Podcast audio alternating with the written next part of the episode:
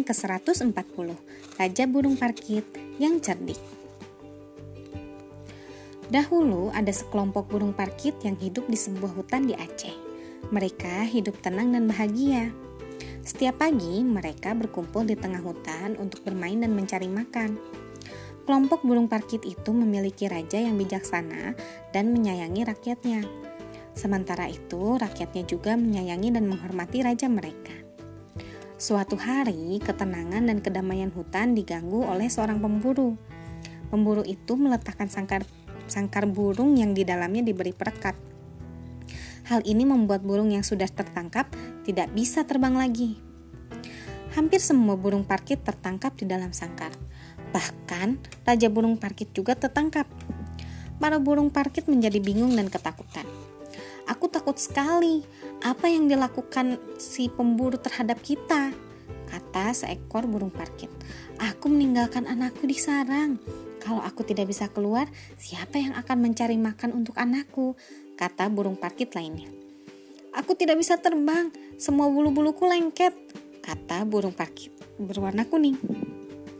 Raja burung parkit pun berusaha menenangkan rakyatnya. Kalian tidak bisa terbang karena bulu kalian sudah terkena perekat. Tapi tenanglah, aku punya ide, kata Raja Burung Parkit. Ide apakah itu wahai Raja Burung? Tanya Parkit Hijau. Caranya, kalian harus berpura-pura mati. Nanti pemburu akan melepaskan perekat di tubuh kita. Jika dia melihat kita sudah mati, dia akan membuang kita. Tunggulah sampai hitungan ke 100. Setelah itu, terbanglah, kata sang raja. Burung parkit di dalam sangkar menuruti siasat rajanya.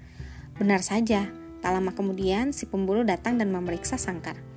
Dia membersihkan perangkat yang menempel di tubuh burung parkit. Pemburu itu kecewa karena burung-burung yang dia tangkap semuanya mati. Melihat hal itu, pemburu membuang semua burung parkit yang dia kira sudah mati.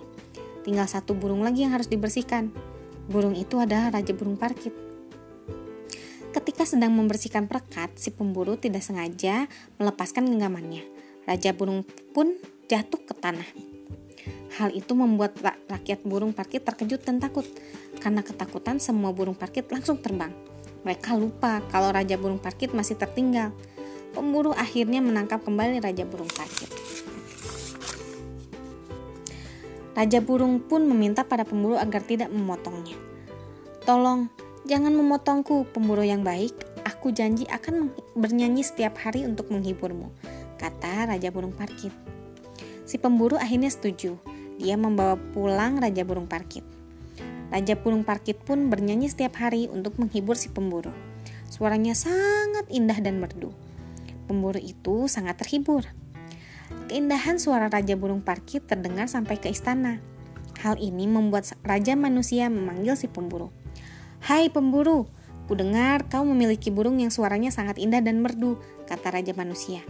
Benar Baginda, aku punya seekor burung parkit yang suaranya sangat merdu. Ia berkicau setiap hari, kata si pemburu. Raja Manusia menyuruh si pemburu membawa burung parkit itu ke istana. Seisti istana sangat terpesona dengan suara Raja Burung Parkit.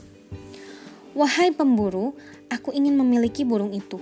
Bagaimana jika aku beli burung itu dengan satu karung emas dan berlian?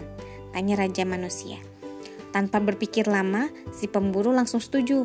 Dia lalu memberikan Raja Burung Parkit kepada Raja Manusia.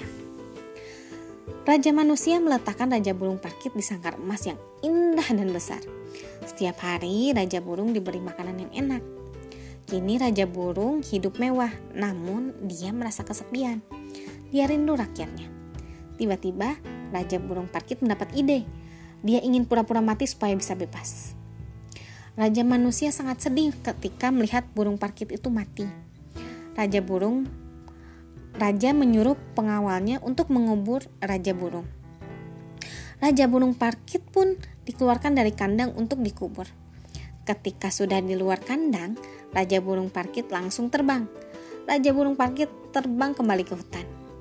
Setelah beberapa hari, Raja Burung Parkit sampai ke hutan tempat rakyatnya berkumpul. Hai, lihat, bukanlah itu, bukankah itu raja kita? Tanya seorang seekor burung parkit melihat rajanya di atas langit. Iya, benar, dia raja kita.